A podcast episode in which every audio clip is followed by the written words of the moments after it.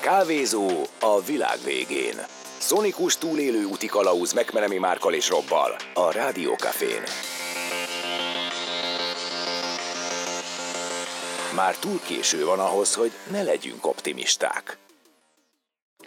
Hát nem gondoltam volna 11 évvel ezelőtt, amikor a régi Rádiókafé elhallgatott, hogy valaha az életben lesz még olyan, hogy egy mikrofonba, egy élőbe bele tudom mondani, ez itt a Rádiókafé, van barátod, sziasztok, elképesztően nagy dolog ez.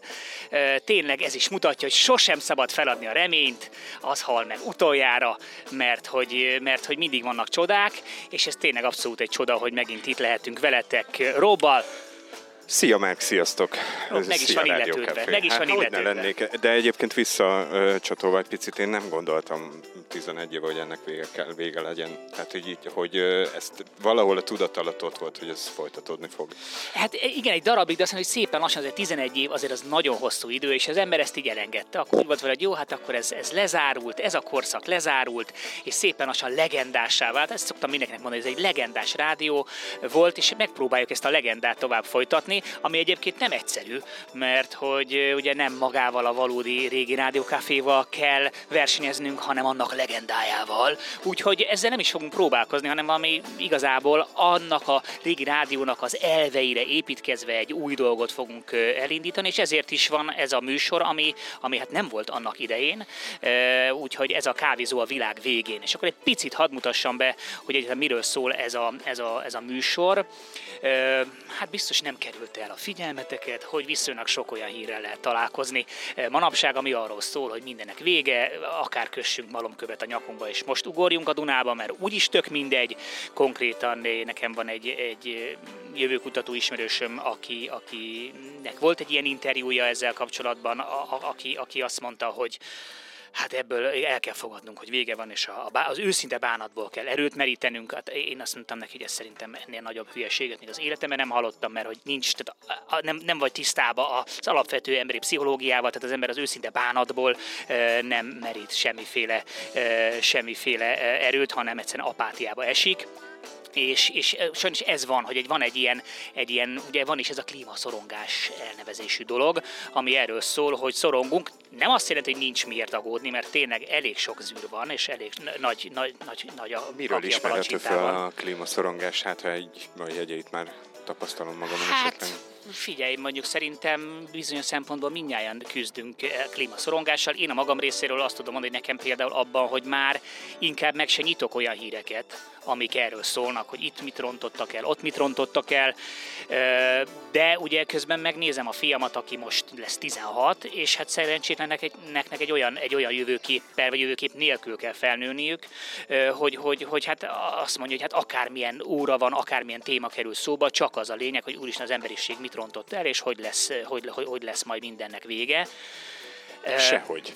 Hát erre nagyon, fogunk rácáfolni. Nagyon reméljük. Nyilván nem tudunk garanciát vállalni erre, hogy ezt egyébként a jövőkutató barátomnak is eh, elmondtam, hogy hát figyelj, eh, ugyanúgy nem tudjátok ti se, de nagyon nagy képű dolog kijelenteni, biztosan vége lesz, hiszen amióta az ember eh, ember és amióta írott történelem van, azóta a világ tüstét bekövetkező világ végét várjuk.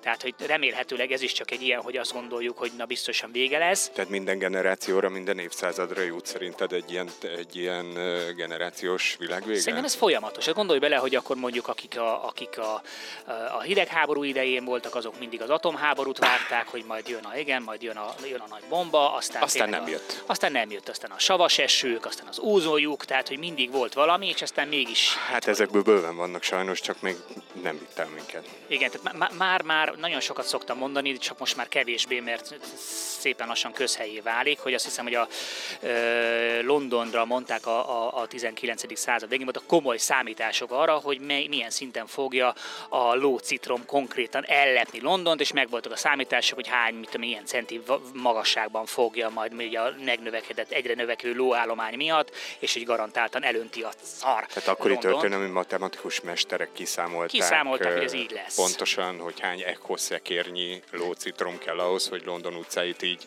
Igen, és hogy ez meg lesz. Exponenciálisan nő az ekkoszekérnyi lócitrom. Hihetetlen információ halmazza rend. Rendelkezem. És aztán utána mégis csak kiderült, hogy hopp, jöttek az autók, és a lovak meg mentek a levesbe, és nem, nem lett lószítom. Lett helyette más, tehát hogy általában az újítások mindig hoznak másfajta problémát, de amire ugye rá, rá akarunk világ, világítani, hogy igenis vannak újítások, vannak nagyon jó kezdeményezések, tehát mi ezt szeretnék egy kicsit ezt a klímaszorongást ellensúlyozni, hogy vannak tök jó dolgok odakint, van egy, egy, egy, egy, kell, hogy legyen egy olyan jövőképünk, hogy hogyan tudunk majd a jövőben létezni, mert ha ezt sem tudjuk képzelni, akkor nyilvánvalóan nem fogjuk tudni megvalósítani ezt. Ez mindenképpen így van. Igen, jó, de fia, belegondolsz, mondj egy olyan skifit, ami, amiben a jövő egy pozitív jövőkép van.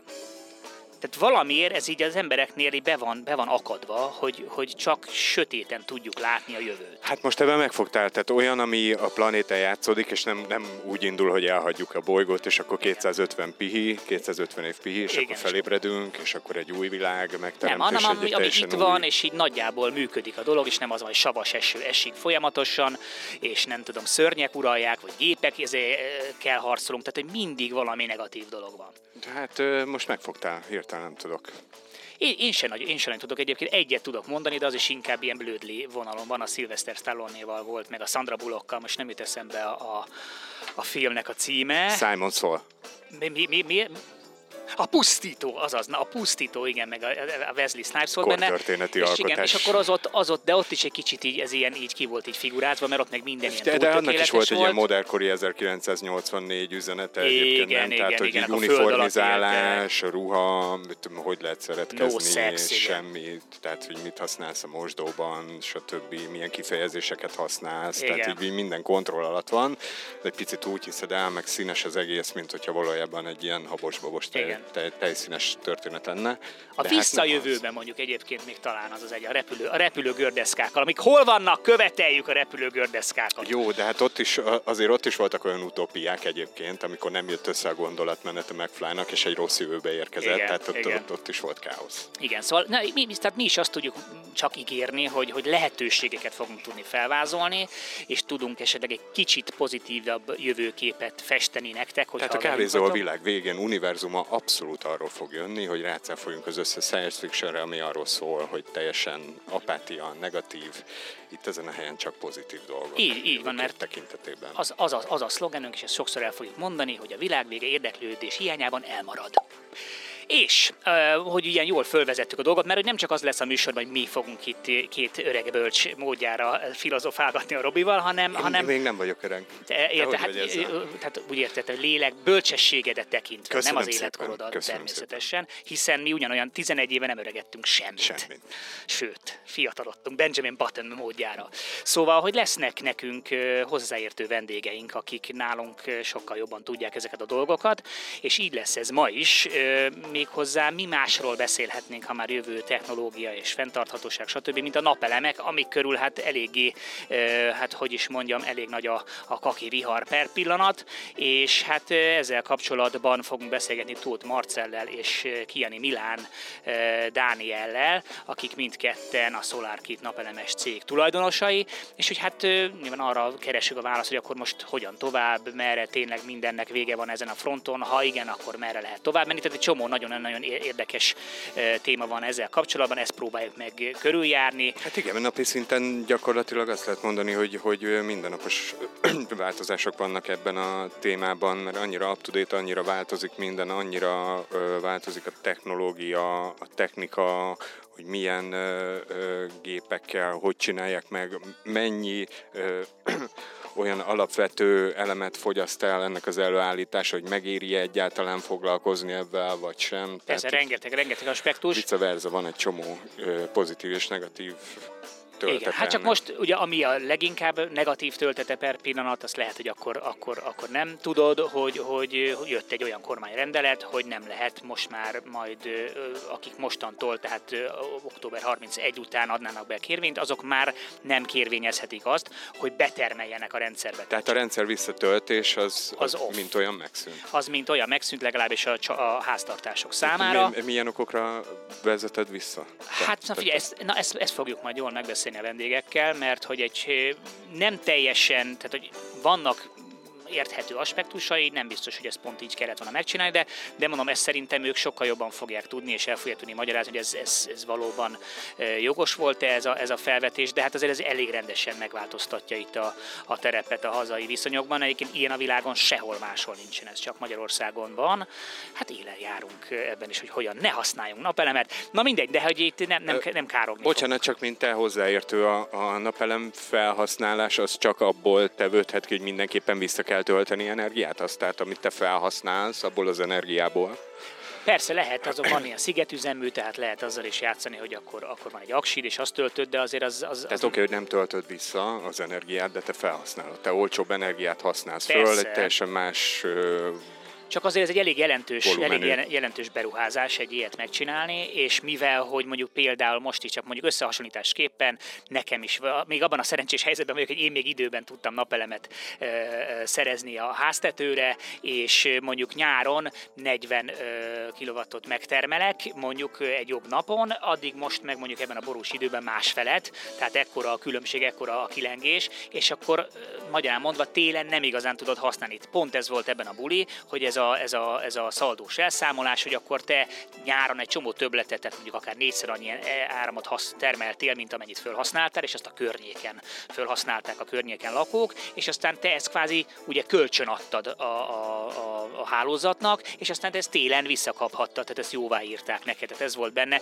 Kvázi a hálózatot használtad, mint egy nagy akkumulátort, és ezt szüntették Ezt meg. akartam kérdezni, hogy te, mint hozzáértő ember, létezik már olyan akkumulátor, vagy olyan technika, ami a saját saját házadon belül meg tudja tartani, tehát el tudod raktározni ezt az energiát egy későbbi felhasználásra, vagy ez még, még éppen egy ilyen ingományos talaj, vagy hát most, nem, most vannak van akkumulátorok. alatt, vagy, vagy ez az akkumulátor kérdéshez vannak akkumulátorok, csak azért nem akkora teljesítményűek, meg elég komoly beruházás. Tehát, hogy ez nagyon-nagyon jelentősen növeli a, a, a, a, azt a pénzt, amit ebbe bele kell tenni, és hát nyilván ezáltal megnövekszik a, a megtérülési idő.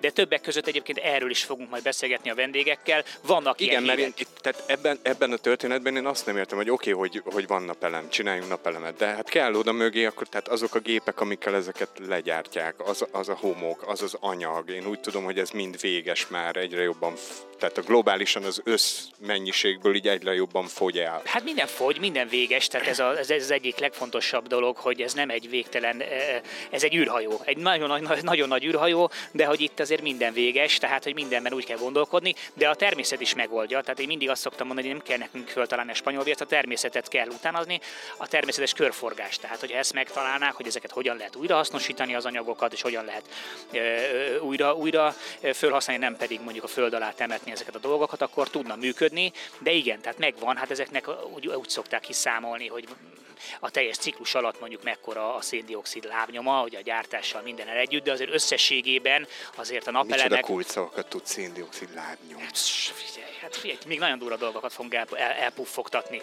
Na csak amit akarok mondani, hogy, és, hogy, hogy kíváncsiak vagyunk a ti véleményetekre, és biztos, hogy van nektek is olyan, és hogy egyrészt van SMS, SMS ha, ha már, ha már régi időket idézünk, akkor SMS, tehát 0630 698 0980. Ez az SMS szám, milyen szépen beolvastam. Bravo. Szinte fejből, de hogy egyébként meg van egy Facebook oldalunk is, tehát a Rádió Café 98-at kell keresni a Facebookon, és akkor ide is írhattok a, a, a modern idők jegyében. Én egyébként ide kitettem egy posztot, ahova belinkeltem az összes olyan hírt, többek között például akkumulátorokkal kapcsolatban, amikről fogunk beszélni, tehát ezeket meg tudjátok nézni, és nyugodtan hozzá tudtok, nem hogy nyugodtan, hanem létszi szóljatok hozzá, legyen ez egy interaktív műsor, hát ha már itt vagyunk már a Web 2, lassan Web 3 világában, akkor, akkor ide-oda menjen ez a dolog. De egyébként itt vagyunk a Váci út mellett egy ilyen kirakatban, tehát ha nyugodtan, ha ide akartok jönni, és cicit akartok villantani nekünk, azt is nyugodtan lehet, nagyon örülünk neki, úgyhogy, úgyhogy ide lehet jönni személyesen is. Hölgy, hölgy vagy férfi hallgató? Ha ide jön, akkor már mindegy. Akkor Igen? már mindegy. Bár, bár, bár mi értékeljük ebben a hidegben, ezt meg, meglépi valaki. Már túl késő van ahhoz, hogy ne legyünk optimisták. És így van, túl késő van az, hogy ne legyünk optimisták. Ezt eh, Jan Bartus Ertram mondta, aki egy nagy francia környezetvédő, és szerintem ez így egy, egy nagyon-nagyon eh, találó és elgondolkodtató eh, gondolat, és erről, ez ennek a jegyében telik majd az egész, egész műsorunk. A kávézó a világ végén erről szól, hogy, hogy mi az, ami optimizmusra adhat okot. Nyilván van egy csomó olyan dolog, ami nem. Most érdekes módon egy picit pont egy olyan aspektust fogunk venni, ami hát mindenképpen megnehezíti a, a, dolgokat, legalábbis ami a Magyar, Magyarországot illeti, ugyanis hát a napelemek körül elég sok mizéria van az utóbbi hetekben. Erről biztos, hogy mindenki hallott, hiszen hír, e, e, ettől zeng mindenféle hírfórum, úgyhogy, úgyhogy erről fogunk beszélgetni két mai vendégemmel, Tóth Marcellel és Kieni Milán Dániellel, akik a SolarKit Magyarország alapítói és tulajdonosai, és ki is írtam egy kis bemutató vonatkozó szöveget, hogy olyan, mint, a, mint, a, hogy a, mint ahogy a Fridi is csinálja, és az tényleg az korrekt, és akkor azt felolvasom. Tehát azt mondja, rend, tehát Tóth Marcel rendkívül motiváló számomra, hogy a fenntarthatóság és a környezetvédelem lelkes híveként segíthetek megújuló energiával ellátni az országot. A fűtési rendszerek elektrifikációja és a villanyautózás terje, terjedése különösen motivál, mivel így a hazai levegőminőség javulásához cégem közvetlenül is hozzájárulhat. Milán, Milán vagy, Dá, vagy Dániel inkább, a, a, melyiket szereted? A Milánt. Milán, oké, tehát Milán, stratégiai vezető. A jövőt csak karban semlegesen tudom elképzelni, ezért dolgozom szívvel, lélekkel azon, hogy minél több magyar háztartás energia önállátóvá váljon. 2016 óta foglalkozom naperőművekkel, alapvetően ipari méretben. Több mint 500 megawatt névleges teljesítmény fejlesztésében vettem részt, a napelemes piac alakulását leginkább napelem forradalomként tudom leírni. Mostanra ért ért el a napelemek hatékonysága azt a szintet, hogy, a pusztán piaci ala, hogy pusztán piaci alapon is érdemes napelemes rendszer telepíteni. E, legalábbis eddig ez így volt, ugyebár, de mi a helyzet most, ugye október 31-e, 31-ével életbe lépett ez az új kormányrendelet, tehát e, először is vázoljuk, akkor ezt egy picit beszélgettünk el a Robival, de ezt nyilván ti sokkal jobban tudjátok. Mit is jelent pontosan most ez az új rendelet? Mi, mi, mi változott? Rendben, köszönjük szépen a meghívást, nagyon megtisztelő. Köszönjük, hogy jöttetek. hogy örülünk neki.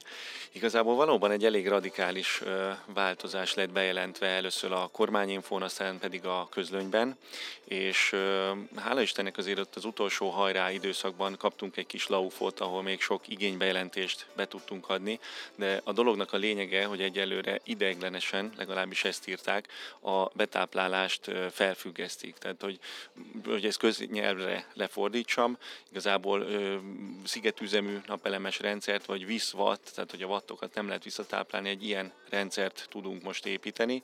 Az eddig megszokott háztartási méretű kísérőművek helyett, ahol ugye a szaldó elszámolás egész évre nézték, ez egy nagyon-nagyon kedvező elszámolási mód volt. Ugye ez azt jelenti, hogy taglalgattok, hogy kvázi az elektromos hálózatot használod te, mint akkumulátor, mert hogy, mert hogy végül is arról van szó, hogy most jóval kevesebb áramot termel a napelemes rendszer, nyáron viszont többletet termel, és akkor ez a kettő így ki egyensúlyozza egymást. Igen, igen. Ugye neked is egy ilyen rendszered van, még időben megcsináltad. Hála és... Istennek és nektek.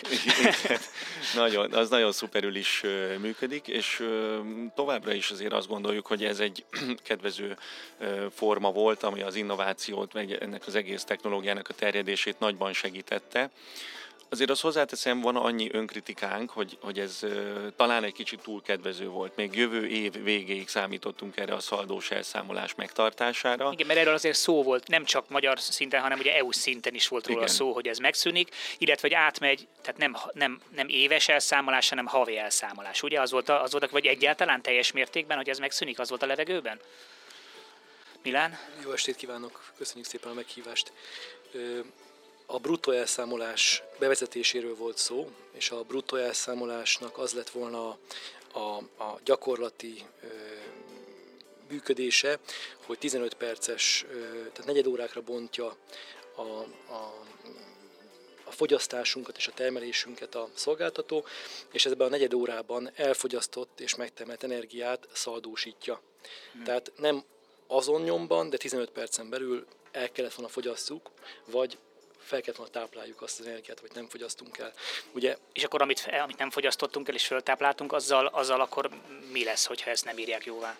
Hát ugye a bruttóban, amiről most már mondjuk úgy, hogy felesleges beszélni a jelen kormány múlt időben döntést követően, de múlt időben ez úgy nézett volna ki, hogy lett volna egy szabott átvételi ára az energiának, ami vagy egy ilyen hatóságilag megállapított ár lett volna, vagy valamilyen piaci árakhoz kapcsolódó árazással történt volna a megállapítása, és akkor ez egy elszámolás lett volna.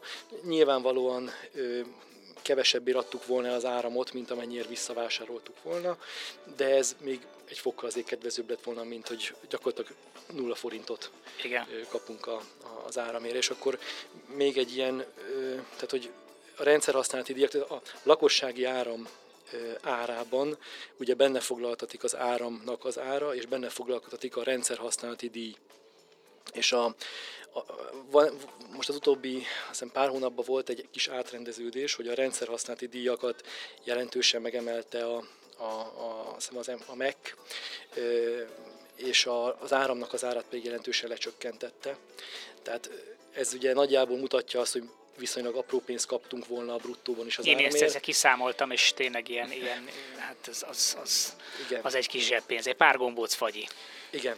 Na de spekulálhatunk arra, hogy esetleg a bruttó később be lesz vezetve, vagy hogy ez az ideiglenes felfüggesztés átalakul azzá, mert most azért egy ki lett öntve a fürdővízzel a gyerek is, tehát most, most totálisan megszüntették, azért az a bruttó az, az, az még mindig jobb lett volna. Meg hát is. nagyon hirtelen, hát nem tudom, ti egyáltalán ti, ti már ezt így, így benne volt a levegőben, vagy titeket is teljes mértékben ilyen villámcsapásként ért ez a dolog, hogy akkor ez most kvázi Villámcsapás, igen. A, mondom, annyi volt öröm az ürömben, hogy egy vagy két hetet kaptunk úgymond, amikor tényleg egy úgymond előrehozott fogyasztás történt a lakosság részéről az áramszolgáltatókhoz, talán fél évnyi vagy egy évnyi igénybejelentés érkezett, tehát úgy gondolom, hogy a napelemes cégek most még több hónapig nyugodt szívvel tudnak érni, de, de azért borzasztóan nagy fejvakarás van és megújulásra kényszerülés, hogy mivel tudunk foglalkozni. Mi szeretnénk hűek lenni a missziónkhoz, a víziónkhoz, hogy energiahatékony ingatlanokat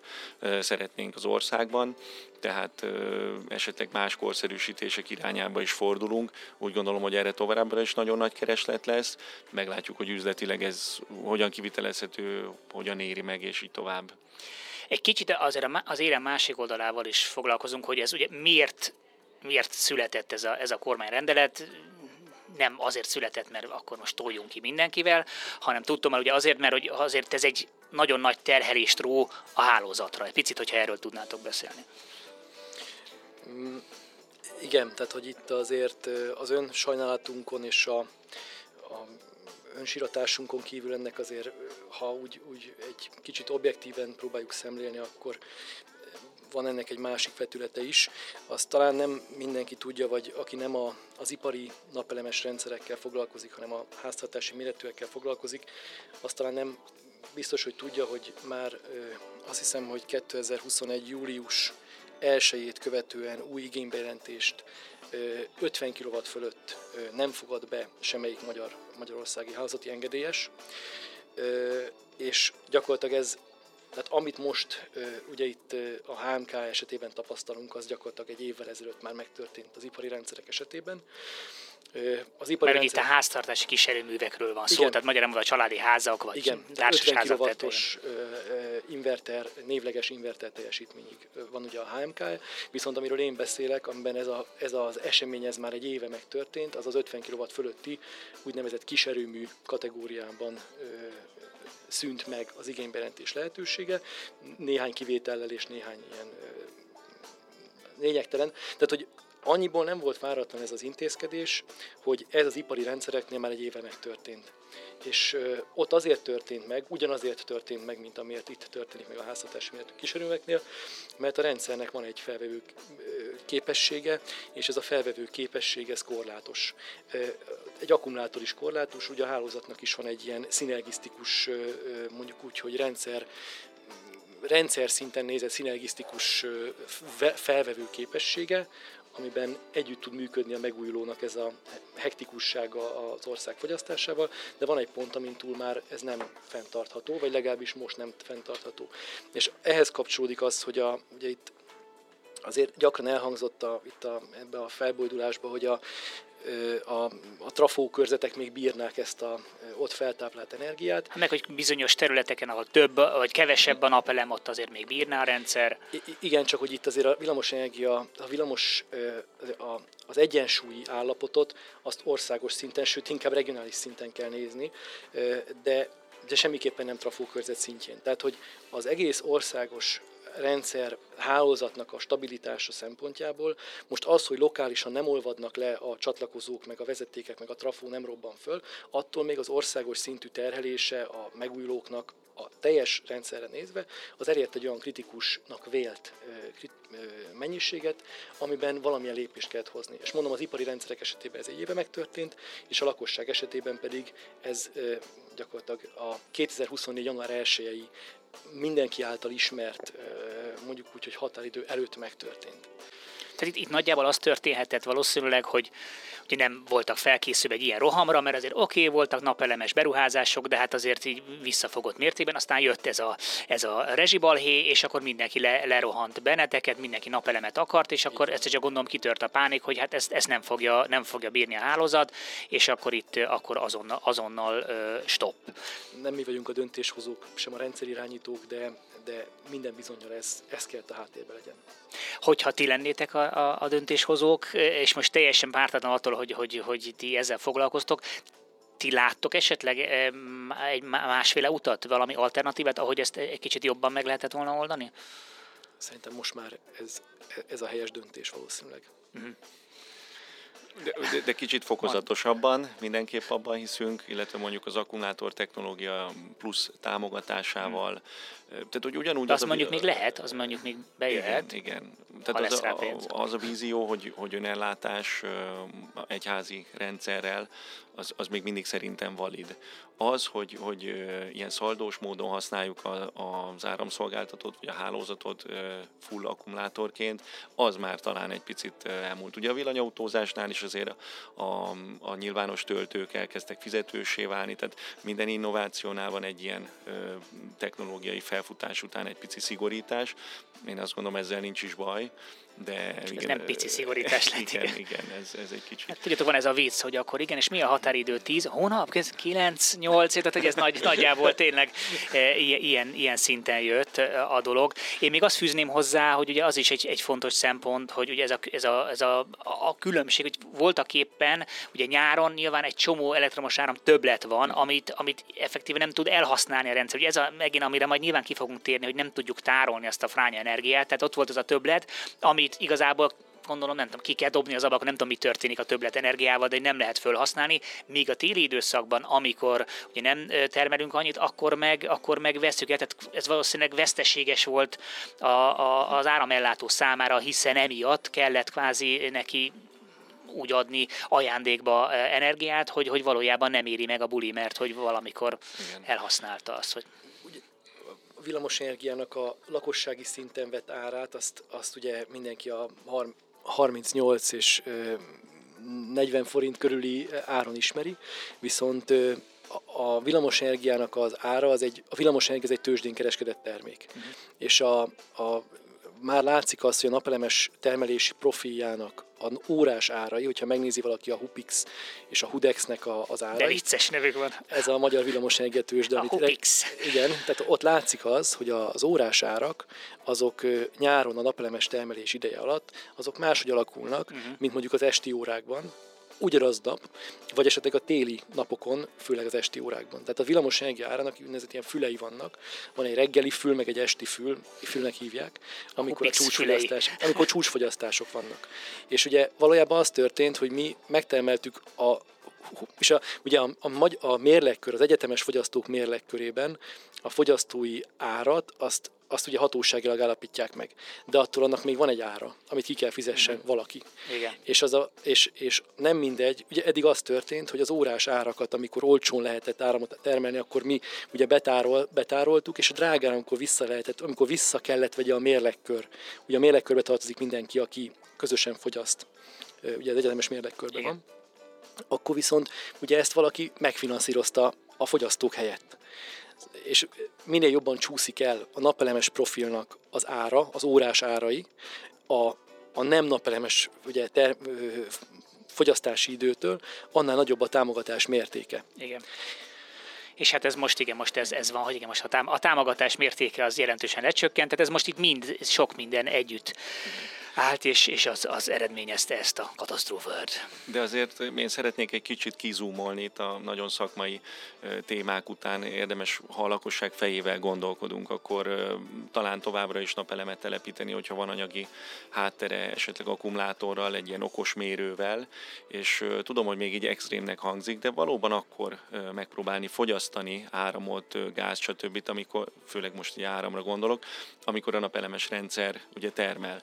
Tehát még most, akkor mosni, amikor Igen, mi ez például, amióta van, én kiadtam, akkor 10 óra után megy a mosogatógép, Na. megy a mosógép, tehát hogy igen, tehát ez tök, tök, tök, tök logikus. Ez abszolút, és egy idő után ezt sem kell majd manuálisan csinálni, tehát a, az épületautomatika és az okos otthonok fejlődése szerintem itt szintén fel fog gyorsulni, és akkorra kell időzíteni a fogyasztást, vagy esetleg a hátarifára, ugye, ami egy kedvezményes tarifa, kifejezetten hűtőfűtő klímákat vagy hőszivattyúkat lehet rákötni, azt is onnan kell működtetni, ez egy plusz villanyórát jelent többek között. Illetve hát, amiről azért már sokan, sokat beszéltek, hogy, hogy a hőszigetelés, a nyilászárók cseréje, a, a más típusú energetikai korszerűsítések is most, most még jobban megérik, tehát egy, egy megtérülő befektetés tényleg pár éves időtávon. Hát és mindig csak az anyagi vonzatáról beszélünk ennek a dolognak, tehát azért az sem egy mellékes tényező, hogy tiszta energiát állítunk elő. Tehát, tehát hogy ez, ez, ez úgy valahogy ez úgy mindig egy elség, hogy jó, jó, de az anyag mennyibe kerül. De, de hogy így, mégiscsak tök jó, hogy a tetőről, tet, tetőről, nem tudom, ha van egy elektromos autóm, onnan tankolom meg, meg, meg, meg onnan. Tehát nekem ez egy nagyon jó érzés, és azért ez nem egy elhanyagolható szempont, de persze megértem, hogy azt mondja valaki, oké, oké, de azért erre mondjuk nem tudom elkölteni uh, x millió forintot, és ez majd nem tudom mennyi időt fog nekem megtérülni, ahhoz nem vagyok elég lelkes. Hát hál' Istennek egyre több ilyen megkeresést kapunk, aki itt a zöld indítatásból uh, fordul hozzánk. Azért értelemszerűen a, a pénzügyi befektetési része az, az az erősebb motiváció a magyar lakosság körében, de, de a tudomány mai állása szerint tényleg ez az egyik legjobb otthon előállítható vagy használható technológia, és esetleg ötvözve mondom egy, egy, egy jó hőszivattyúval, jó szigeteléssel, valamilyen villanyautó vagy plug-in hibriddel, az csodálatos megoldás. Egyébként igen, mert ide is írtam magamnak, hogy azzal érveltek, hogy oké, okay, oké, okay, most ezt leállították, de hogy valamilyen gyorsított eljárásban lehet akkor most viszont majd az egész engedélyeztetést megkapni. Ez, ez mit jelent Igen. ez a gyorsított eljárás? Épp ma beszéltem a kolléganőimmel, és vissza is tudták igazolni, hogy az egyik nagy áramszolgáltató valóban a 10 kW alatti igénybejelentéseket, amiket ugye beadtunk az elmúlt hetekben, azokat pár nap alatt, vagy talán azonnal elbírálták, úgyhogy ennek már látjuk jeleit, hál' Istennek. És ez igen, ez, ez tényleg nagy dolog. Aki, aki, aki végigment ezen, az tudja, hogy ez nagyon nagy dolog, hogy ilyen ilyen gyorsan átment. Már túl késő van ahhoz, hogy ne legyünk optimisták.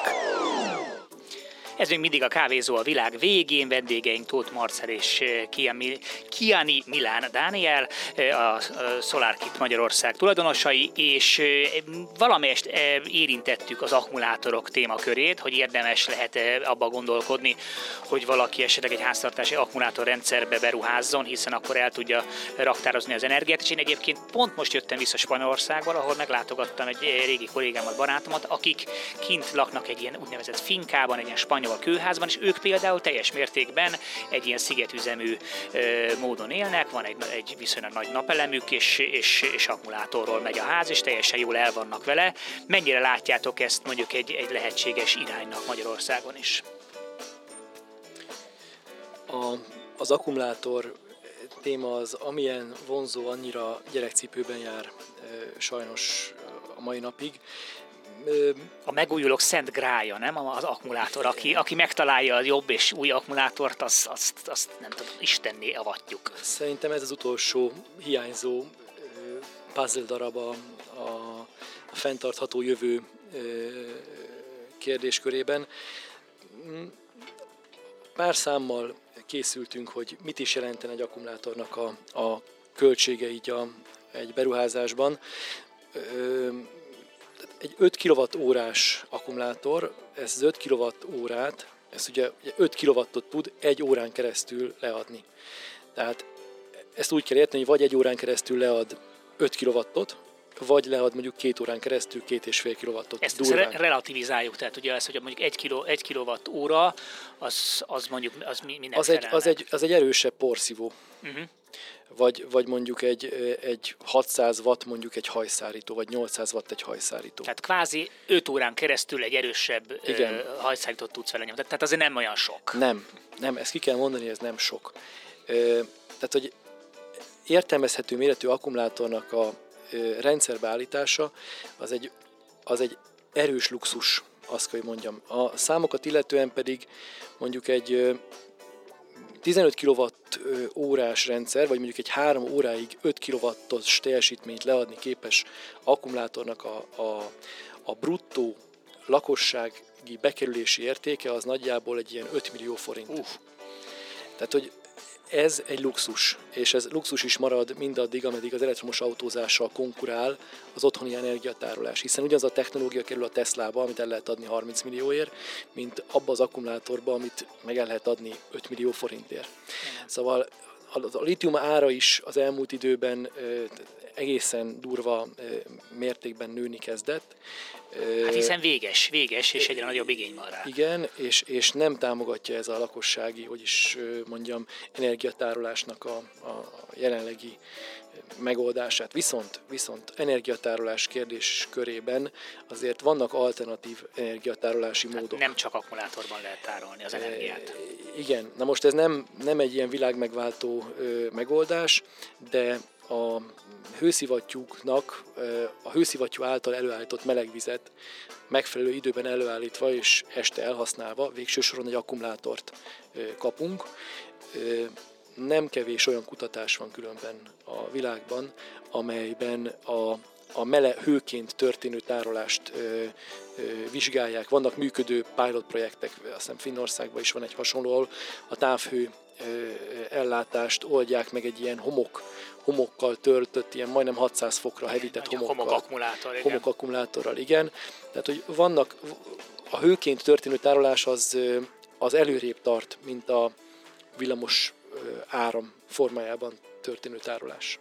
Igen, tehát van, vannak, vannak, igen, én is elég sok ilyen alternatívát látok, és láttam olyat is, ahol igen, pontosan ezt, hogy akkor mondjuk föl melegítek egy adag ö, ö, vizet, amíg ugye, amíg megvan a süt a nap, és aztán azt pedig egy, egy eltárolom egy, egy kvázi boilerben, és aztán az visszajön, és azt visz, abból ismét áramot tudok generálni. Nyilván igen, ezek, ezek azok, amik nem, nem olyan egyszerűek, de hogy vannak erre is ilyen kísérletek. Igen, én azért hozzáteszem, hogy már vannak most is olyan ügyfeleink, akik vagy szigetüzemet telepítettek velünk, egy kis, kis turista házban, például egy 5-10 kWh akkumulátorral, és csak az látja el.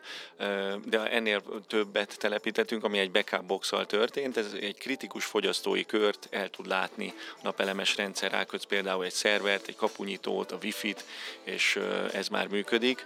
Mm, nyilván ez is elég borsos, de, de van az a célközönség, aki ebbe megy. Illetve azért én bizakodó vagyok itt a, a technológiában. Tehát négy évvel ezelőtt, amikor a cégünk indult, 280 wattos napelemeket telepítettünk föl, most szinte ugyanabban a méretben már 400-420 wattos napelemek vannak, tehát ott is történt egy drasztikus hatékonyságnövelés, és azt gondolom, hogy itt a mérnökök az, a, emiatt, az energiaválság miatt az akkumulátorokban is bődületes pénzeket, kutatásfejlesztést ölnek bele.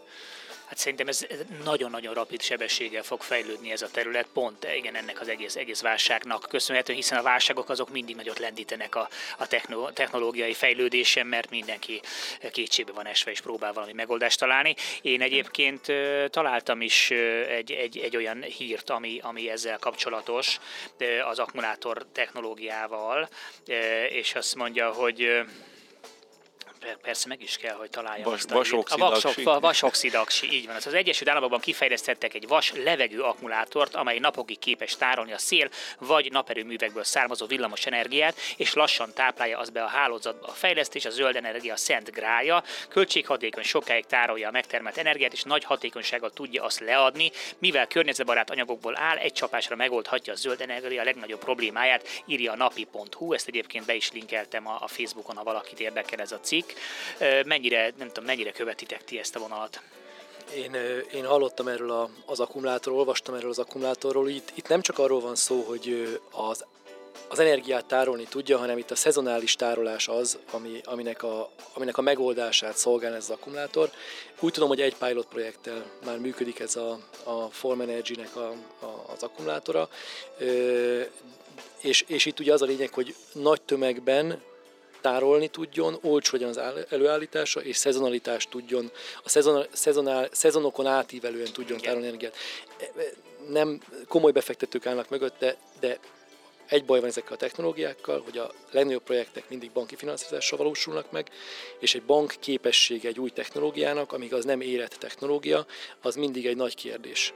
Tehát ez nem úgy van, hogy most kitalálok valamit holnap, és akkor ezt már be is lehet vetni, hanem el kell teljen egy pár év, hogy kialakuljon egy olyan track record, ami után a bankok hajlandóak ezt finanszírozni. Tehát ez egy hosszú az út. Úgy látom, ti is, mint vállalkozók, pedig nektek aztán minden okotok meg lenne arra, hogy most nagyon búsak legyetek, hiszen egy, egy, egy jól prosperáló irányzat alól azért elég rendesen kihúzták a szőnyeget, de hogy akkor ti, ti mint, mint vállalkozás, ti merre felé akartok tovább tendálni? Rendben, ugye említettem már, hogy azért a, a vízió, misszió azt szeretnénk megőrizni, és ö, mindig a, az energiahatékony ingatlanok irányába menni. Nagyon nagy kereslet lesz rá, ki kell találni, hogy ez hogyan tud profitábilis lenni, de a munkahelyek megőrzése a cél nálunk, és ö, hiszünk abban, hogy van annyira erős a csapatunk, egy ilyen fiatalos, dinamikus ö, banda, hogy, hogy, hogy van még keresni valunk. Viszont azért mondjuk Milán ennek a specialistája, hogy a KKV-k, tehát a vállalkozásoknak továbbra is nagyon-nagyon megéri a, a napelem telepítés, és az a beruházás egy pár éves időtartamban meg is térül. Mert hogy azért ott sokkal nagyobb az energia, a helyben történő nagyobb energia felhasználás, ugye? Tehát, hogy azért... Igen, a, az önfogyasztás csökkentés az továbbra is nagyon megéri. Nyilván a lakosság esetében is nagyobb lakossági fogyasztók esetében egy csökkentett méretű napelemes rendszer, aminek a teljes fogyasztása egyből, teljes termelése egyből elfogyasztásra kerül, az továbbra is megéri, de ugye mivel az átlag rendszerméret a lakosságban az a 8 kW volt, így most az ilyen 2-3 kW-os rendszereket talán nem fogjuk tömegével feltelepíteni, viszont a vállalatoknál kis- és középvállalatoknál 50 kW alatt és egészen 200 kW-ig van élet. Eddig is ugye 50 kW és a fölött egészen 50 megawattig kiserőműnek számított egy erőmű, akiknek más igénybejelentési eljárásuk volt, viszont, viszont mivel ilyen nagy fogyasztók ezek a fogyasztók, ezért ha egy kis részét a fogyasztásuknak ki tudják váltani napelemmel, akkor nekik az egy megtakarítás tud lenni. Illetve mivel a rezsicsökkentés az csak a lakossági, illetve egy házakat, egy-két ilyen speciális fogyasztói csoportot véd, ezért vállal, kis vállalkozások, akik akár 50 kW alatt vannak, lehet, hogy olyan magas áramszámlával szembesülnek, hogyha annak az egyharmadát meg tudják takarítani mondjuk a fogyasztásuk 25-30-35 át már az is egy nagy segítség. Szóval én azt gondolom, hogy aki ért ezekhez a nagyobb rendszerekhez, főleg aki ugye ért a kiserőmű kategóriához, aminek más engedélyeztetési eljárása van, és sokkal több mindenre kell figyelni, én azt gondolom, hogy arra tovább lehet élni, és tovább lehet haladni. 200 kW van meg, vagy 200 kW van, meghúzva az a határ ma Magyarországon szabályozási szempontból, ameddig nem kell úgynevezett AFRR kapacitást kiépíteni, ami azt jelenti, hogy nem kell akkumulátort, vagy olyan lényegében a klasszikus napelemet lehet megvalósítani 200 kW alatt. Igen, mert azt is lássuk, hogy nem valószínű, hogy az energiaárak azok jelentősen csökkennének a jövőben, inkább a, valószínűleg továbbra is folytatódik az emelkedési tendencia, tehát hogy bármiféle fronton tud, tud, tud mondjuk főleg egy vállalat ö, csökkenteni a számláin, az azt valószínűleg meg fogja ragadni. Igen, és a hírekben is hallottuk, hogy a Kavosz kisvállalatoknak címzett kedvezményes hitelterméke az, az továbbra is a piacon van, és kifejezetten támogatási cél vagy, vagy hitelcél tud lenni egy energiahatékonyságot javító beruházás. Tehát nem csak arról van szó, hogy a KKV-k motiválva vannak az energiaár által, hanem vannak olyan kedvezményes hitel lehetőségek a piacon, amelyek lehetővé teszik ezeknek a projekteknek a megvalósítását. Teljesen más, más téma, de Robi vetette föl, és én nem tudtam teljes mértékben válaszolni rá még itt a műsor elején, hogy úgy egyáltalán is visszamegyünk itt Ádámhoz és Évához, hogy a napelemekkel kapcsolatban sok mindenki, aki, aki az egész mondjuk megújuló energia szektort kritizálja, az azt kritizálja, hogy hát oké, tök jól néz ki ez, hogy akkor megtermeljük a, a napfényből, de hogy ezeket a, ezeket a paneleket is elő kell állítani, ennek is van egy környezeti terhelése, és ezt Robi is felvetette, én pedig nem tudtam rá megfelelő választ adni. Ti, ti tudtok erre ilyen számokat, hogy akkor ez mondjuk mennyi idő alatt térül meg egy napelemnek a, a, az a széndiokszid kibocsátás, amíg mondjuk annak a gyártása megtörténik? Nézd, jó felvetés, mi is azért gondolkodunk ezen. Most teljesen konkrét, specifikus számot nem biztos, hogy tudnék mondani. Azért azt látni kell, hogy többek között Németországban már vannak 40-50 éve működő, jól működő panelek. Ugye kevés a megkibásodási alkatrész egy ilyen panelben, talán az inverter az, ami legelsőnek, de az is 15 év után tudja mondjuk úgy van felmondani a szolgálatot talán. Tehát egy szó mint száz a mostani tudományban ajánlása szerint ezek a napelemek sok évtizedig karbantartásmentesen tudnak jó energiát termelni. Értemszerűen a legyártása, tankerhajókkal való, vagy tehát hajókkal való szállítása az, az valamennyi CO2 lábnyomot hagy, de ugyanúgy, hogy villanyautóknál kiszámolják azt, hogyha mondjuk egy európai hálózaton töltöd, akkor egészen az egész gyártást és a lifetime-t belevéve mm, még mindig jobb. Három év alatt térül meg a mhm. CO2 befektetés a napelemek esetében. Hát annál jóval, jóval többet üzemel. 20-szor kevesebb a, a CO2 ö, lábnyoma a 1 kWh energiának abban az esetben, hogyha napelemmel van előállítva, mint hogyha szén tüzelésű erőművekkel állítanánk elő. Nem vagyok ilyen okos, csak gyorsan megnéztem. Gyorsan, gyorsan zsebünkben, zsebünkben van a világ minden tudása. Robi, elégedett, hogy a válasza? Igen, nagyon, de két oldalról is meghallgattam a két végletválaszt, úgyhogy köszönöm szépen. Egy mértékig elégedett vagyok. Egy dolgot azért még hozzátennék, hogy a, az újrahasznosítása ezeknek a paneleknek, meg az összes itt felhasznált anyagnak még gyerekcipőben jár, de egyre több gyár, cég áll rá erre. Ez ahogy, nagyon fontos lenne. Igen, tehát ebbe is lá, nagy potenciált látunk, hogy akár itt egy 5-10 éven belül, amikor mondjuk ezek a panelek valamennyire elkezdenek öregedni, vagy mondjuk lecseréli valaki jobb, újabb hatékonyságú napelemekre, akkor ennek a teljes mértékű szétszerelhetősége, szelektálása az már megoldott lesz, reméljük. Hát én ugye mindig ezzel példálozom, mint a természet nagy rajongója, hogy, hogy nekünk mindenben a természetet kellene utánoznunk, mert ott van egy tökéletesen működő rendszer, és ugye annak az alapja a körforgás, tehát nem lehet, tehát muszáj, hiszen egy véges rendszerben vagyunk, muszáj, hogy, hogy, hogy erre rájöjjünk, de hát erre is kényszerít minket a, a, az egész világ, mert hogy, mert hogy muszáj. Illetve még egy olyan dolgot fűznék erre rá, ami nagyon fontos ezzel az egész alternatív energiával, meg fenntartható jövővel kapcsolatos, hogy azért az nagyon fontos hangsúlyozni, hogy, hogy, hogy, hogy azért ez nem azt jelenti, hogy hú, itt minden olyan, me, tehát olyan megoldások lesznek, hogy mi e, ezt a fajta életvitet pontosan nagyon így fogjuk tudni tovább vinni, mint ahogy eddig volt, és ugyanolyan nagy lábon és pazarlóan fogunk tudni élni, csak majd előállítjuk alternatív energiából. Azért itt ez nagyon fontos, hogy azért itt, itt muszáj lesz egy picit visszavenni az arcunkból. Tehát ezt, azt tudjuk megoldani, hogy van egy ilyen alternatív energia mix, és egyébként pedig jóval kevesebbet kell fogyasztanunk. Például pont a, a barátaim, akiket említettem Spanyolországban, a kis finkában azért tudják megoldani, mert eléggé kicsi az energiaigényük, van egy pár ledes lámpájuk, van egy hűtőjük, ami mondjuk nagyon gazdaságos, van egy, egy mosógépük, oszt viszlát meg esetleg egy laptop, tehát hogy nagyon-nagyon visszafogottan, és nincs óriási nagy, nem tudom, tévé kijelző, nem égnek a lámpák, stb. Tehát, hogy, hogy azért ez, ez ezt azért nem szabad elfelejteni. De szerinted már mikor fog ez begyűrűzni így a magyar családokhoz is? De olyan triviális mókás példákat tudok említeni, hogy ne, ne nyisd ki a hűtőszekrényt annyiszor, mert látod egyébként a kis okos monitor, smart méteren, amit mi is beszerelünk, hogy akkor megugrik az energiafogyasztásod egy...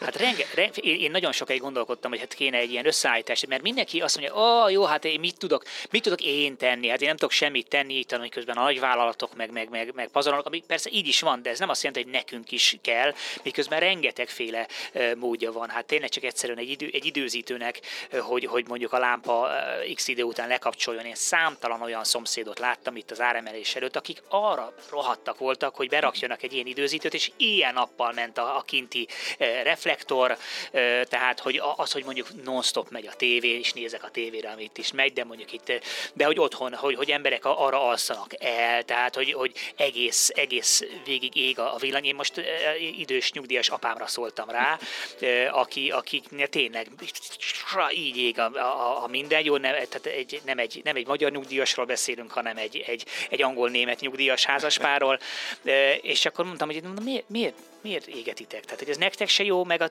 meg a környezetnek se jó. A környezetnek mi köze ehhez? Hát mondom, az köze, hogy hát minél több energiát kell előállítani, ugye az, az, az, az annál jobban terheli. Tehát, hogy szerintem nehezen jut el, visszatérve a kérdésedre, de most ez a helyzet igenis rákényszeríti az embereket. Most biztos, hogy meg fogja gondolni, ha megkapja az első nagyobb villanyszámát, hogy ott lehet, hogy mégsem kell, hogy mondjuk égjen mindenhol a villany, vagy menjen egész nap az a 8000 kás, nem tudom, fél egy oldalat betöltő tévé. De hozzáteszem, hogy már említettem ugye itt épület automatizációt, és azért például a hőszivattyú kapcsán a hőviszonyerős szellőztetés felszokott merülni, ami azt jelenti, hogy nagyon jó nyilászárókat teszel be, szinte hermetikusan lezárja az épületet, tehát vagy te szellőztetsz kézzel és kinyitod az ablakot, de ugye akkor azért veszíted az energiát, és ezt manapság egy olyan technológia már megoldja, hogy monitorozza, hogy mennyi, milyen hőfok van az adott szobában, hány ember használ el mondjuk mennyi oxigént, ha, ha többen vannak, több friss levegőt enged be, és ez is egy megújuló energia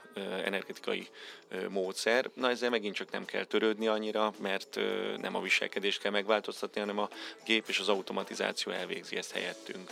Hát szerintem aki most mondjuk építkezik és megteheti, az mondjuk nagyon-nagyon jó megoldásokat tud már mondjuk itt ö, ö, alkalmazni. Nyilván ezeket visszafelé egy kicsit nehezebb, már nyilván egy visszafelé egy ilyen hőviszonyerős szellőztető Igen. rendszer, de például ami tök egyszerű, én most ö, ö, akarok pont beruházni ilyenre, ez egy hasonló olyan okos megoldás, hogy olyan termosztát, ami minden egyes helyiségnek, tehát digitálisan mhm. van mindenhol egy digitális termosztát, ami kommunikál a, a, a a kazánnal, és teljesen külön zónákra tudom osztani az egész házat, mert hogy egy csomó, igaz, hogy otthon vagyunk, de mondjuk a hálószobákban nem tartózkodunk a nap nagy részében, tehát be lehet programozni, hogy amikor nem vagyok ott, akkor azokat ne nagyon fűtse, vagy csak minimálisan temperálja, és ezekkel is akár 20-30 százalékos megtakarítást lehet elérni, hogy az ember nem fűti feleslegesen azokat a helységeket, ahol nem tartózkodik. Tehát, hogy ezekkel, ezekkel, ezekkel tök jól lehet dolgozni. Talán szerintem. a legegyszerűbb, és te is mondtad, hogy most uh, ruháztál be egy klímára, egy jó minőségű hűtő-fűtő inverteres klíma, ami jó SCOP, tehát szezonális értékkel tud működni, az szerintem az egyik szintén legjobban, leggyorsabban megtérülő beruházás. Pár százezer forintból a gázra nagyon-nagyon jó rá tud segíteni, hogyha esetleg már napelemmel csinálod, akkor meg még inkább.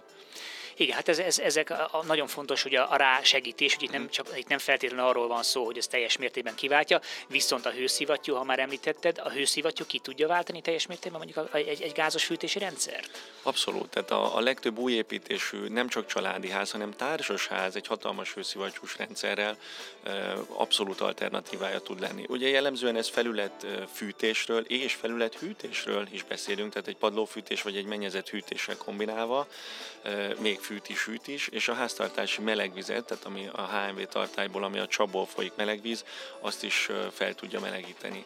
Fontos, hogy ez is megülő energia, hiszen a villanyt azt hozzá kell adni természetesen, de a környezet hőjéből vonja el a hőt. Még nem is gondolnánk, de mínusz 20 fokban is rengeteg hő van a levegőben, és ezt egy ilyen kompresszor segítségével elő tudja állítani.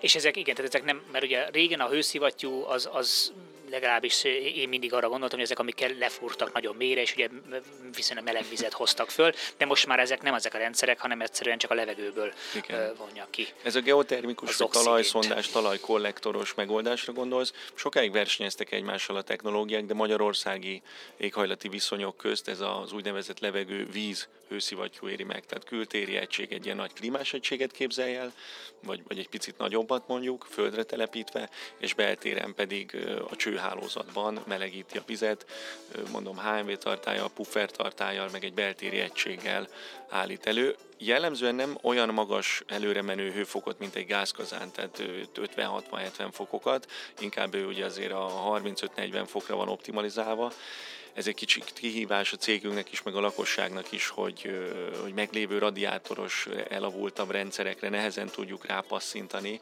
tehát jellemzően padlófűtéshez optimalizált, de azért sokan hajlandóak mondjuk nagyobb radiátorokat be, be, betenni a lakásba, vagy installálni nagyobb hőleadó felületeket. Tehát meg lehet oldani, nem kell feltétlenül, hogyha valakinek nem padlófűtése van, Igen. akkor azért meg tudjátok oldani. De ott egy kis, kis variálást igényel a dolog.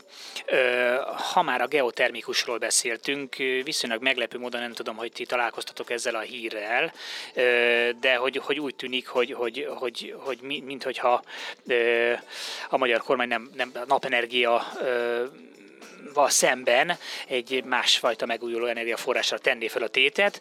Azt mondja, energia szuverenitás, valamint az elhúzódó energiaválság hatékony kezelésére a jövő tiszta energiaforrásainak hasznosítása lehet a megoldás. Derült ki a Technológiai és Ipari Minisztérium közleményéből, amely szerint ezért a kormány úgy döntött, minden rendelkezésre álló eszközzel támogatja a hazai geotermikus energia térnyerését. A tervek szerint a többségében, a tervek szerint a többségében mindegy 70%-ban gázzal üzemel üzemeltetett távfűtési rendszereket idővel teljes mértékben geotermikus energiával váltják fel, írja az Index. Hogy, hogy ehhez van bármiféle rálátásodok, van bármiféle hozzáfűzni valótok? Nem, nem akarok abban a szerepbe tetszelegni, hogy ennek szakértője lennék, mert nem igazán a mi területünk, de azért, tehát hogy a geotermiának a felhasználása az én legjobb tudomásom szerint bizonyos helyszínekhez kapcsolódóan már most is adott, viszont azért valamiért eddig nem terjedt el.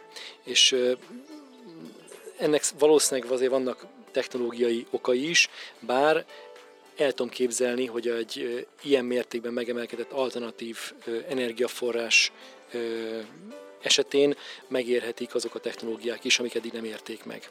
És a, csak hogy párhuzamot vonjak a napelem és a, a geotermia között, tehát a napelem is még a 2010-es évek elején egy erős támogatási rendszerrel ö, tudott berobbanni Magyarországon, egészen 2019-20-ig, sőt 21-ig gyakorlatilag csak támogatással érte meg napelemes ipari napelemes rendszert létesíteni, nem lakossági iparit, és mostanra oda jutottunk, hogy gyakorlatilag teljesen piaci alapon is megállnak ezek a napelemes rendszerek.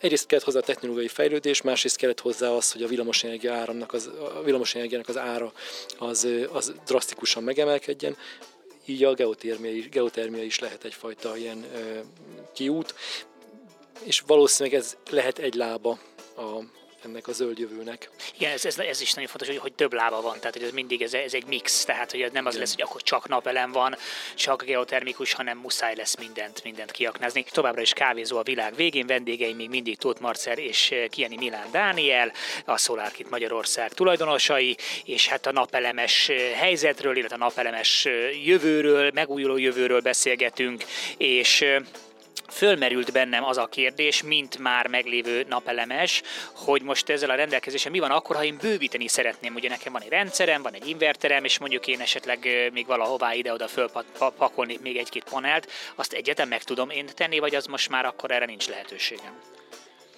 Ez egy remek ötlet egyébként, már korábban is sok ilyen ügyfelünk volt, aki, aki bővített, és eleve így adtunk el rendszereket nagyobb inverterrel, hogyha a tetőfelület későbbiekben rendelkezésre állt. Úgyhogy a jó hír az, hogy akár az ipari projektekben is egy 10-20%-kal mindig túl van méretezve az inverter névleges teljesítménye, hiszen akkor így akár a délelőtti, délutáni órákban is csúcsra lehet járatni. Tehát azt gondolom, hogy, hogy ez egy remek ötlet, és mi is tervezünk azért erre egy, egy kampányt, hogy a már meglévő napelemes rendszereket egy kicsit bővítsük. Ez azt is jelenti, hogy ő bekapcsolhat valamilyen alternatív fűtési megoldásokat. Tehát édesanyáméknál elkezdtek jobban klímákkal fűteni, norvég fűtőpaneleket vettek, és az akkor megtermelt plusz energiát így tudták elhasználni, vagy sokaknak ugye utólag jut eszébe esetleg egy villanyautó vagy hibrid autó beszerzése, amit azért otthon töltenek, és azt néha tudják napközben is tölteni, tehát itt klasszikusan az önfogyasztást tudják beállítani, vagy úgy időzítik egy ilyen kis okos kütyüvel, hogy amikor termel jóra napelem, akkor a töltés felgyorsuljon, és több energiát kapjon az autó akkumulátor. Ez jó hír, nem kell külön engedélyt kérni a bővítéshez, az az, az, az engedély engedély már megvan, az működik, a lényeg az, hogy az inverter ezt elbírja, és hogy általában elbírják. Így van, így van. Még annyit tennék ehhez hozzá, hogy Marcel helyesen említette a 10-20%-ot, egészen 30-40%-ig föl szoktak menni az ipari rendszerekben a, a, a fejlesztők. Ez egy kicsit extrém, de mondjuk a 20% az egy nagyon jó, nagyon jó szám. Annyit szeretnék megjegyezni, hogy egy tető az sosem ideális tájolásban, és nagyon, ritk, na, nagyon ritkán van ideális dőlésszögben és tájolásban. És a, az optimális tájolás, tehát a déli tájolás és nagyjából ez a 35 fokos dőlésszög esetében egy ilyen 20-30%-os túlhúzás az ipari rendszereknél az egy, az egy standard, standard dolog. Viszont egy lakossági ügyfél, akinek mondjuk esetleg kicsit keletre vagy kicsit nyugatra állnak a panelei, vagy esetleg vannak északi felületei is, ott hiába van 6 kW, vagy akár 20%-kal 7,2 kW egy 6 kW-os inverteren fölrakva, ő nyugodtan elmehet akár 50%-ig is. Nagyon extrémnek tűnik, de azt kell megnézni, hogy a Huawei vagy amelyik, vagy Fronius vagy bármelyik inverter applikációjának a, a haranggörbéje, a termelési haranggörbéje az hogy néz ki. Tehát, mert ugyanis, hogyha a mostani termelésével a 6 kW-os inverter teljesítménynek a 6 kW-os maximumát nem éri el, akkor a haranggörbének még levágása sem lesz, tehát a, a tetejét nem fogja leskalpolni uh-huh. az mhm. inverternek a, a maximált AC teljesítménye. Tehát nem éri el azt nem a maximális teljesítményt. Igen, de attól sem kell megijedni, hogyha eléri. Tehát a, az ipari fejlesztésekben mindig, azt, mindig az volt a szempont, hogy a, a nettó befektetésünk és a nettó eredményünk volt úgymond a, a szempont. Tehát, hogyha elveszítettünk mondjuk 1-2 kWh a csúcs termelésben, mert túlléptük a 6 kW-ot, az inverter akkor leszabályoz 6 kW-ra, de már reggel és még késő este is sokkal nagyobb volt a termelésünk a görbének, a termelési görbénknek a korai és a késői fázisában, akkor a kettőnek a, a, a, az egyenlege volt az, vagy van kettőnek az egyenlege az, ami meghatározza azt, hogy megírje további paneleket feltenni a, a tetőre. Tehát én azt gondolom, hogy az első szabály az inverter marad, a stringeknek el kell bírnia a napelemeknek a, a, a feszültségét, ezt szakember kell megvizsgálja, illetve meg kell vizsgálni a pénzügyi oldalról is, hogy ha ez a kettő feltétel teljesült, akkor vajon a maximális számú panellel az adott tájolás mellett várhatóan milyen termelés többlet érhető el. Erre mi képesek vagyunk különben, így ilyen, ilyen szem, szemlélettel áttekintve, akár azt is el tudom képzelni, hogy valaki 1-2-3 kW-ot egy 6 kW-os rendszerre még rá még tud pakolni, anélkül, hogy, hogy azt mondanánk, hogy nem éri meg és nagyon szép garázsbeállókat tudunk építeni. Én pontosan egyébként, tehát ez, én is ebben gondolkodom, hogy esetleg egy garázsbeálló, és annak a tetejére, és akkor az ember két, két funkciót tölt be akkor a, a, a dolog egyszerre. Még az inverterekre egy fontos kérdés, ami azért sokszor fölmerül, láttam, hogy a, a, a videómhoz kapcsolódóan is volt, aki kérdezte, és én is láttam, hogy ugye vannak néha ilyen kis, kis kihagyások, hogy az, ugye, hogy az, az igaz, hogy ha, ha mondjuk a hálózat ugye telítve van, akkor az inverter az, az, az lekapcsol, és akkor olyankor nem termel egyáltalán a, a, a napelem? Tehát ezért vannak ezek a kihagyások? számtalan oka lehet a, ezeknek a tüskéknek. Tehát a tüskéket okozhatja például egy ö, rövid ideig fennálló árnyékhatás, ö, okozhatja valóban a feszültségnek a, a túlzott megnövekedése az adott ö, ö, kis feszültségű trafókörzetben, ö, és ö, talán, ta, talán, talán ez a kettő fő, fő ok van. Ha mondjuk van egy ág, ami rendszeresen így a szél által fúj, fú, fújja a szél és a, a panelek fölött így tornázik, az mondjuk okozhat ilyen, ilyen tüske jellegű jelenséget, és valóban amúgy a feszültség szint megemelkedése is egy bizonyos tartományon felül is okozhat inverter teljesítménycsökkenést, akár leállást is. Mi, mi van akkor, ha áramszünet van, és nekünk van napelemes rendszerünk, akkor ö, leáll az, az áramtermelésünk? Igen. Igen ez, ez, egy, ez egy biztonsági előírás. Tehát ez, ez azért kell, mert hogyha az áramszünet egy tűzeset miatt alakul ki esetleg, akkor a tűzoltókat ne rázza meg a, az áram, amit, amire ők úgy gondolják. Tehát, hogy ha áramtalanítanak egy körzetet, akkor ne legyen még, mégiscsak ott áram a, uh-huh. a körzetben. De ugye ezt a technológiát említettem, ilyen rendszereket telepítünk, ahol a backup box és akkumulátor segítségével a kritikus fogyasztói kört azt még el tudjuk látni. Tehát nem lép ki áram a, a mérési ponton kívülre itt most ugye a hazai, a hazai piacot néztük, ahol egy kicsit így belassult akkor itt a, a, a napenergia fejlődése, de azért vannak a világnak olyan részei, ahol, ahol azért elég komolyan ráfeküdtek arra, hogy, hogy ezt továbbra is fejleszék, mert hogy azért a napelemek, nem tudom, most mennyi mi az a százalék, az a hatékonysági százalék, amit így a legjobb napelemek tudnak? Hát amit úgy kereskedelmi forgalomban lehet kapni, az most valahol ilyen 22 százalék, 21 és fél és 22 és fél százalék közötti teljesítmény, pontosabban hatékonysággal működnek. Ezek az úgynevezett N-Type Topcon panelek. Uh-huh. A mainstream panel típus, az most a PERC monokristályos PERC panel típus, az egy pár százaléka kisebb hatékonysággal működik. Tehát van még, van még hová ezt Abszolút. egyébként fejleszgetni. Végtelenségig. Igen, azt mondja egyébként, hogy a Houstoni Egyetem kutatói egy újfajta rendszer dolgoztak ki, amely képes hasznosítani a napsugárzást, számol be az Interesting Engineering nyomán az alternatív energia. Az intézmény szerint az eszköz megdöntötte az eddigi fotovoltaikus hatékonysági rekordot, a berendezés pedig akár egész nap használhatja a napenergiát. Az egyik technika egy olyan közbenső réteg alkalmazása, amely a napsugárzást a cellának megfelelően átszabja. A réteg előső része elnyeli a fotonokat, hőenergiává alakítja a sugárzást, felmelegítve a réteget, az átalakítás korlátja 85,4 ez azonban még, még mindig távol áll a 93,3 os Landsberg határtól, a napenergia hasznosításának abszolút limitjétől. Tehát ez, ez, ez mi alapján határozták meg ezt a 93,3-at? Fogalmam sincs, de azért az felkeltette az érdeklődésemet, hogy a hőenergiával alakítja a sugárzást. Tehát azért a, a hőenergiával alakítás az, az, az egy könnyebb ügy, mint hogy villamosenergiával alakítsuk. Nekem csak ennyi talán értelmes hozzáfűzni valóban ehhez. Jó, jó, hát igen, aki, akit érdekel ez a cikk, igen, én is csak le, levadáztam ezt a cikket, mondom, én bele, betettem egyébként a Facebookon a, a, a posztunkba ezt a linket is, minden linket, amit, amit emlegettem, azt, azt, azt betettem, betettem ide, és akkor még egy, még egy, egy, egy kérdéssel hadd bombázzalak benneteket, mert hogy akkor ez már tényleg már majdnem a science fiction kategóriába esik, hogy, hogy mennyire gondoljátok, hogy mondjuk például ezek a nagy tech cégek tudják majd befolyásolni ezt a piacot, pont most jött ki egy olyan, egy olyan hír, hogy a, a Google mesterséges intelligencia rendszere, a DeepMind-ra bíztak egy olyan feladatot, hogy egy, egy fúziós reaktorban modellezzen egy olyan mágneses teret, ami azt a plazmát a megfelelő helyen tartja, ugye, ami rendkívül sok számítást igényel, és ezt elég jól meg is tudta lépni a rendszer. Tehát, hogy mennyire gondoltok, Marce, hogy te, te a Google-nél is dolgoztál, tehát, hogy mennyire gondolod, hogy esetleg beleszólhatnak ebbe az egészbe ezek a nagy tech cégek. Igen, volt szerencsém.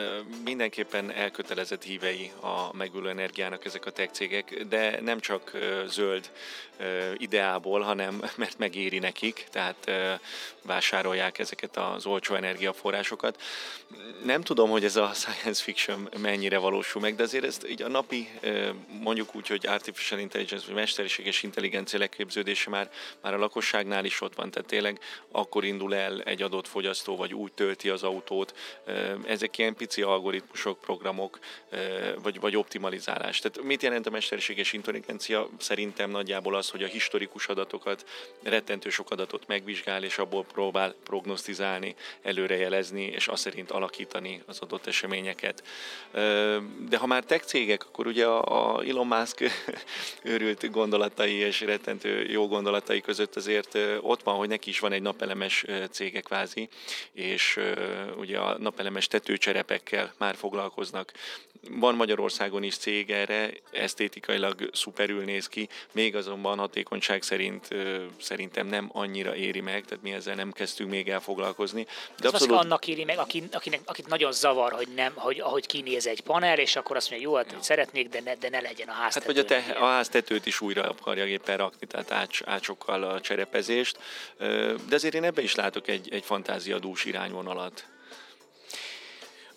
talán egy kicsit földhöz ragadtabb aspektus a, itt a mesterséges intelligenciától így, így kicsit eltávolodva, hogy ezek a tech cégek, ezek hatalmas fogyasztók, és a rendkívül nagy fogyasztásukat, azokat úgynevezett áram, PPA-nak nevezett áramvásárlási megállapodásokkal fedezik, és ezek a PPA vagy áramvásárlási megállapodások, ezek lehetőséget biztosítanak a napelem, nap, ipari napelempark fejlesztők számára ahhoz, hogy egy olyan fix átvételi rendszerrel, vagy olyan fix átvevővel és olyan garantált átvételre rendelkezzenek, ami a bank banki finanszírozás szempontjából egy stabil cashflow-t jelent. Tehát ezzel a vételi szándékukkal és a vételi ígérvényükkel tudják segíteni a megújuló energiák elterjedését. Azért, mert hogy azt mondja, hogy oké, okay, én garantálom azt, hogy én föl fogok vásárolni tőletek X mennyiségű zöld energiát, akkor azt tudja mondani a bank, hogy oké, okay, akkor nekem megéri befektetni mondjuk egy cégbe, amelyik mondjuk ezt előállítja. Tehát, hogy így, így, így. így. Pontosan, hát jó. pontosan. Jó, és akkor így a, a, az árásnak, bár szerintem azért bizonyos szempontból érintettük azt a kérdést, de ezt minden vendégnek föl szeretném majd tenni, hogy ti hogy gondoljátok, hogy mondjuk a, a hétköznapokban, tehát hogy mindig beszélünk ezekről a nagy dolgokról, a nagy tech cégekről, a mesterséges intelligencia, de mondjuk a hétköznapokban itt a, egy, egy, egy hallgató, aki, aki most hallgatott minket, mi az, a, mi az a legegyszerűbb dolog, amivel tud tenni mondjuk a, a fenntartható jövőért, meg, a, meg, a, meg, meg a, az alternatív energiáért, és, és azért, hogy egy, egy tisztább világban élhessünk? Én láttam egy ilyen csártot, és az egyik legelső az tulajdonképpen, mármint hogyha széndiokszid lábnyomot nézünk egy, egy átlagember szintjén, akkor az a transatlanti utazás, tehát a tengeren túli utazás. Úgyhogy én, én azt gondolom, hogy, hogy talán ez az, amit lehetne ö, tudatosabban csinálni. Ne de minden mellett második azért... héten Amerikában. igen, igen. Nem tudom, hogy ez hány embert fenyeget, de, de minden esetre ez, ezzel sokat lehet sporolni. Hát és akkor itt vannak a, az ilyen alternatív dolgok, tényleg a vegetarianizmussal, vagy a, a BKV-val, de hogyha már ugye ingatlan energetikáról beszélünk, akkor, akkor egy hőszigeteléssel több tonna, éves szinten több tonna ö, energiahatékonyságot tudunk nézni. Ugye egy energetikus ezt meg tudja vizsgálni, hogy mondjuk FFKG besorolás, és hova tartozik az, a, az az ingatlan, és egy hőkamerával például pontosan, precízen meg tudja mutatni, hogy hol szökik el a hő. Tehát egy ilyen komplet energetikai korszerűsítés Ilyet nem csináltak, én nagyon régóta akarok a házon egyet, mert valahol szökik a hő, és nem tudom, hogy hol meg akarom keresni. De egyébként pont, pont most kezdünk ebbe, ebbe is bele mert látványos és uh, reprezentatív megmutatni ezt. Ez, ez nagyon jó. Milán? Ha, ha az energiafelhasználásunkat vizsgáljuk, akkor a közlekedésünk, és az, a, a, ahogy a Marcel is mondta, tömegközlekedés és a minél közelebbi ö, munkavégzés, amennyire lehetséges ez a lakóhelyünkhöz képest. Ez az egyik mód, ahogy spórolni tudunk. A, a táplálkozásunk a másik, amit ugye vegetarianizmust említett Marcel, de valójában a, a ugye a húsfogyasztás, a, a messziről hozott élelmiszerek fogyasztása, vagy a szezonális és helyi élelmiszerek fogyasztásnak a preferálása, azt szerintem nem egy utolsó dolog, és amúgy a lakhatásunk és a, a amivel mi, mi foglalkozunk, abban ugye a hőszivattyú, a klíma, a hőszigetelés, az ablakcsere, most már napelemes rendszer az egy kicsit háttérbe szorult, de ezek, ezek amik szerintem bármelyiket választja bárki, akkor közelebb kerülünk ahhoz, hogy az unokáinknak is egy élhető bolygója legyen. És azért egy pozitív végkicsengés, tehát hadd legyünk egy picit optimisták, meg idealisták, hogy, hogy nem szabad legyinteni az egyén szerepére, tehát hogy az úgyis mindegy, hogy én becsukom el, kinyitom-e az ablakot, vagy villanyautózok esetleg. Tehát, hogy igenis kellenek ezek az apró cseppek, és a tenger majd összeáll. Ja, hát vagyunk, vagyunk egy páron, tehát mindenki csak azt a picikét, azt a picikét megcsinálja, Igen. azért az összeadódik, tehát én is azt gondolom, hogy, hogy vagyunk. Hát nagyon szépen köszönöm, hogy jöttetek, nagyon szépen köszönjük, hogy vagytok, és én elhivatottak vagytok az ügy érdekében, és nagyon reméljük, hogy akkor a, a tervek mind megvalósulnak, és, és továbbra is zöld, zöldülnek majd a háztartások nektek köszönhetően. Már túl késő van ahhoz, hogy ne legyünk optimisták. Így van, 17 óra 48 perc van, az már elég késő, ez még mindig a kávézó a világ végén, benne Rob és megfelelő Márk, aki én vagyok, vendégeink már elmenetek, de mi még itt vagyunk, és egy csomó konklúziót le tudunk vonni. Nem tudom, Robi, te, te okosodtál így a, a napelemes témakörben? Sok kérdésed volt. Okosodtam, persze, hogy okosodtam, de ettől függetlenül nekem az nem tiszta, hogy, hogy ez nagy felhasználásnál hogy terül meg, és még, nekem még mindig ezért jó lenne majd még, de hát nyilván van egy csomó lehetőségünk arra, hogy besezzük e- e- ezeket a dolgokat hogy amikor egy ilyen, az oké, okay, hogy beszéltünk arról, hogy, hogy elő kell állítani ezeket a napelemeket, stb. stb. De nekem még mindig az nem tiszta, hogy, hogy e- ehhez milyen gépsorok, stb. milyen, milyen gyárak, oda milyen, milyen ö, anyagok, milyen alapanyagok, stb. stb. És ez, ez rengeteg, ö, globálisan ez rengeteg anyag felhasználás ö, és hát ugye ezt ők is igazából ez így visszaforgatva hogy... egy sokkal hosszabb biológiai lábnyomot tesz ki, mint, mint, mint maga az, hogy, hogy akkor most így fordítunk, elkapcsoljuk, és akkor indulok ez a napelem. Tehát Na jó, de ne felejtsd el, hogyha nem, nem napelemmel termelünk meg, tehát mondjuk amit egy, egy, egy atomreaktor termel, vagy ne adj Isten egy, szénre, egy szénerőmű, ugye ott még nagyobb már a, az előállítás közbeni lenyomat, ott is kell, ott, annak is, ott is van Egyébként a szélerőműnél még nagyobb. A szélerőműnél igen, ott, ott nagyobb, a szénerőműnél meg ugye a működés közben, az atomenergiánál is például rengeteg betont kell felhasználni, tehát az alternatíváknál még akár nagyobb az egész gyártási folyamat során felhasznált anyag, és aztán ugye a termelés közben pedig arról ne is beszéljünk.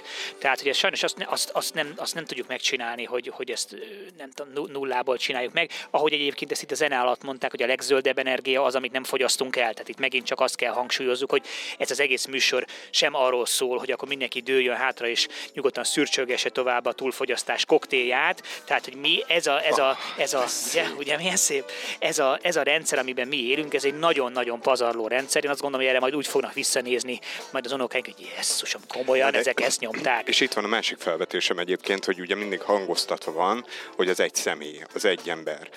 Tehát, hogy, hogy erre levetítve, hogy te otthon mennyi energiát használsz el, mire figyelsz, kikapcsolod, lekapcsolod, nem használod, nem nézel fönt is, lent is, két tévét, stb. és nem megy feleslegesen az áram, és ö, ö, ilyen 70-30%-ban érzem azt, hogy mindig az egyénre van terhelve. Holott ö, pontosan, amit levetítettek a, a vendégeink, hogy mi van akkor, amikor valaki nyom egy kövérgázt annak a tankhajónak, és gyakorlatilag a te éves fogyasztásodat 5 perc alatt úgy égeti el, és valahogy azt érzem, hogy ez a balansz ez nincs meg. Persze. Tehát, tehát, hogy az egyén mindig meg van szólítva, lépten nyomon, ahova nézek, társadalom, utca, reklámok, média, stb. stb. Mindig, mindig valahogy, oké, okay, értem, hogy az egyént kell megszólítani, az embert kell megszólítani, de hogy nem, nem látom olyan nagy súlyban a másik oldalát, hogy, hogy, hogy azok a gyárak, az iparok, azok a befektetők, akiknek valójában a kezében van a, a döntés és az irányítás, és akkor mehetünk még messzebbre is, hogy mindig szoktam mondani, hogy kiülnék a, a, a Holdon egyedül, és lenéznék így a planetár, planetára, és mellé ülne egy UFO, vagy mellé ülne egy idegen lény, és akkor azt akkor mondaná, hogy figyelj, figyelj, tehát, hogy ugyanolyan emberek laknak itt, mint te. És mi nem, mi nem tudjátok ezt így együtt? Mi, mi történik? És akkor van ez, van ez a felső x ezer ember, akinek a döntés a kezében van, akinél, akinél ott van az összes struktúra.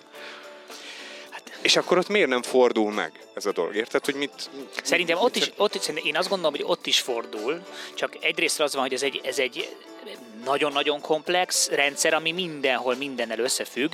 Ebben abszolút igazad van az egyénre való tolás, és ugye ezt, ezt ki is mutatták, hogy ez a greenwashingnak egy, egy fontos része, hogy az egyéni felelősséget kezdték el nyomni. Ez egyébként egy csomó olajvállalat vissza, konkrétan... Visszajöhet egyébként, amit mondtál, bocsánat, hogy van, van ez a klíma uh, szorongás, szorongás érzés, és akkor emellé simán becsatlakozhat ez a, a anyagfelhasználás. Persze, persze, ez az van, hogy igen, rá, ránk van tolva a felelősség, de azért van is felelősségünk, hiszen például az a ö, Én nem mondtam, hogy nincs. szállítóhajó, csak... amit te említettél, ami nyom egy kövér gázt, az nagy részt a mi cuccainkat, Kedves azokkal az olcsó... Café hallgatók, kérlek, ne rendeljetek 17. Igen, tehát, hogy fényes sapkát, kamu futócipőt, igen, hű, de olcsón meg tudom rendelni dobot, a kínai oldalról, és akkor tök jó, mert csak 1500 forintba kerül, de ez, ez az ára, hogy akkor azt nagy tankerhajókkal hozzá hozzák ide, tehát hogy van egy, van egy meg, meg benne vagyunk, tehát ennek az egész, egész rendszernek mi haszonélvezői vagyunk, tehát azt nem szabad elfelejteni, és mi tudunk ugyanúgy hatni is rá olyan szempontból, hogy egyrészt hathatunk a nagyvállalatokra, hogy azt mondjuk, hogy igenis De olyan hogy, termék... hogy érted, hogy tudsz hatni rá, hogy ezt a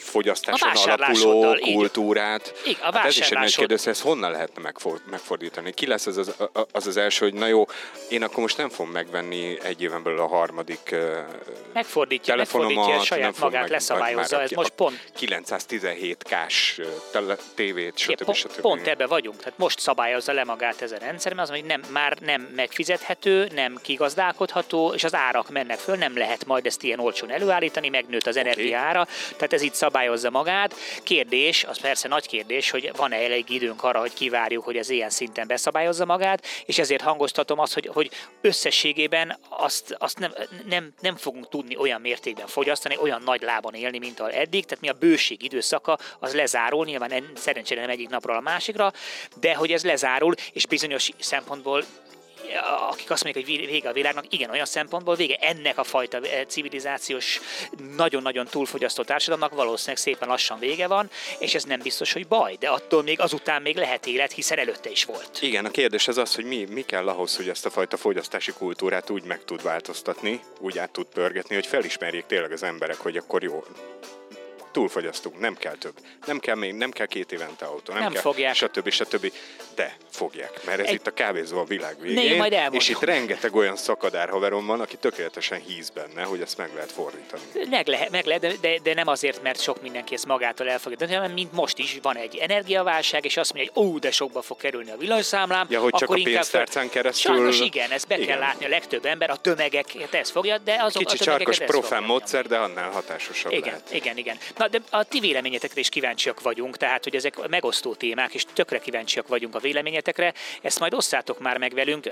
Be kell, hogy valljam, hogy, hogy Zuckerberg itt megpörgette nekem a dolgokat, és nem sikerült sehogy se belépni. Olyan szinten nem sikerült belépnem a Facebookra, hogy a, a saját mobiltelefonon is kidobott a Facebook, úgyhogy nem tudtam nézni, hogy a Facebookon hozzászóltatok el, de megígérem, Érdekes hogy dolog ez a legközelebb. Ketrec, mi? Igen, a. Merkel ketrecit meghűített minket, úgyhogy megígérem, hogy, hogy legközelebbre ezt meg fogjuk oldani, illetve vissza fogjuk majd nézni. Tehát ha van bármiféle hozzászólásotok, azt írjátok a poszt alá, és fogunk rá reagálni legközelebb, hiszen jövő hétfőn is lesz kávézó a világ végén, akkor pedig az építészet jövőjéről fogunk majd beszélgetni, mert hogy az építészet egy nagyon fontos része. Az építőipar a széndiokszid kibocsátás 27%-áért felel, tehát nem mindegy, hogy hogyan építkezünk, de majd erről akkor legközelebb jövő héten. Ez volt a kávézó a világ végén. Szevasztok! Sziasztok!